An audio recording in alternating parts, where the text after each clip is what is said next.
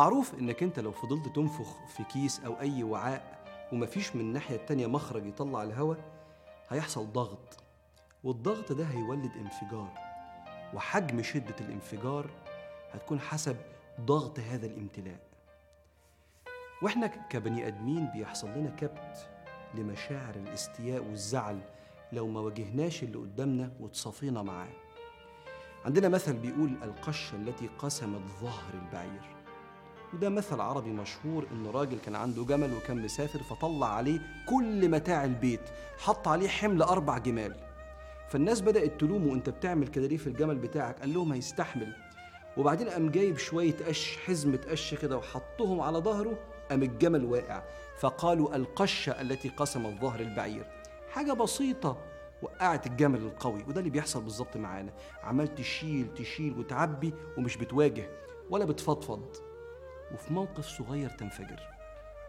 شفناه في كبت صديق مخنوق من نوع معين من التريقة على شكله ولا جسمه ولا على طريقته. عمال يبتسم ويمتلئ وفجأة ينفجر في نفسه بالانتحار أو ينفجر في اللي قدامه بعنف مفرط أول ما يقدر. شفناها من زوج مراته مش بتحترمه أو بتهمل حقوقه ينفجر بالعصبية المفرطة عليها أو يضعف في علاقة بره. يبقى موقف صادم. أو كبت زوجة متهانة مفتقدة لأبسط تصرفات الحنان من جوزها تنفجر فيه ويلاقيها اتغيرت بعد سنين من الكبت. أو للأسف شفنا قصص ستات كتير بتضعف أمام كلمة حنان من زميل لها مستغل. الإنسان لما بيتكبت ومش بيفضفض ولا بيواجه ده خطر هيؤدي لانفجار. وساعات الكبت ده بيحصل للإنسان في علاقته مع الله. لما تتزايد البلاءات وما تروحش تقعد مع عالم أو حد قريب من ربنا تفضفض له فيكلمك إزاي تسكن في وسط أمواج البلاء. وربنا قال لك ابقى اسأل الناس اللي قريبة مني عني. قال تعالى الرحمن فاسأل به خبيرا. يمكن حد يقول لك حكمة ربنا من البلاء. والحل هنا عشان الإنسان ما يقعدش يعبي فينفجر فتفسد علاقته باللي حواليه أو حتى مع ربنا المصارحة والمواجهة الجادة. يقول لك في اللغة العربية افتضحوا فاصطلحوا قعدنا قدام بعض اتكلمنا فلما اتكلمنا استريحنا إحنا الاتنين. أعرف قصة شاب بار جدا بأبوه كان دايما أبوه يتهكم عليه يتهكم عليه إنه قدراته ضعيفة وأفكاره سخيفة وبتبقى قاسية جدا جدا على الولد لما أبوه مثله الأعلى يتهكم عليه. والولد ما كانش بيرد لغاية ما رقد تعب وتشخص حالته باكتئاب حاد. يوم ما أبوه عرف إن هو السبب قعد يبكي طول الليل على اللي عمله في ابنه. ولما قال لابنه احكي لي أنا كنت بعمل فيك إيه؟ والولد بدأ يتكلم.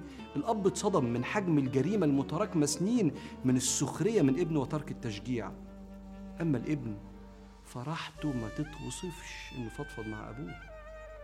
وابتدت الحياة تحلو بعد ما قام بالسلامة والأب تكفيرا عن هذا الخطأ على فكرة كان دايما بيقعد في القعدات يحكي الموضوع ده عشان يحذر الآباء والأمهات من السخرية من عيالهم. أقول لك تعمل إيه؟ عشان الكبت اللي جواك ما يزيدش فتنفجر فتخسر حد مقرب منك قال صلى الله عليه وسلم إن لنفسك عليك حقا. من حقوق نفسك عليك إنك تعبر عن رفضك بحزم وأدب عن أي سلوك بيأذيك.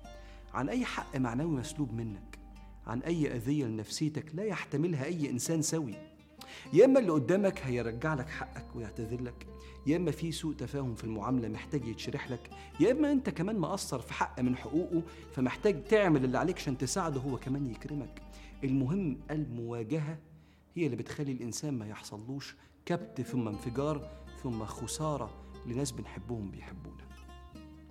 اللهم يا رب. ألهمنا الصبر وقوي ظهورنا على تحمل أقدارك. وارزقنا الحكمة في الفكر والقول والعمل.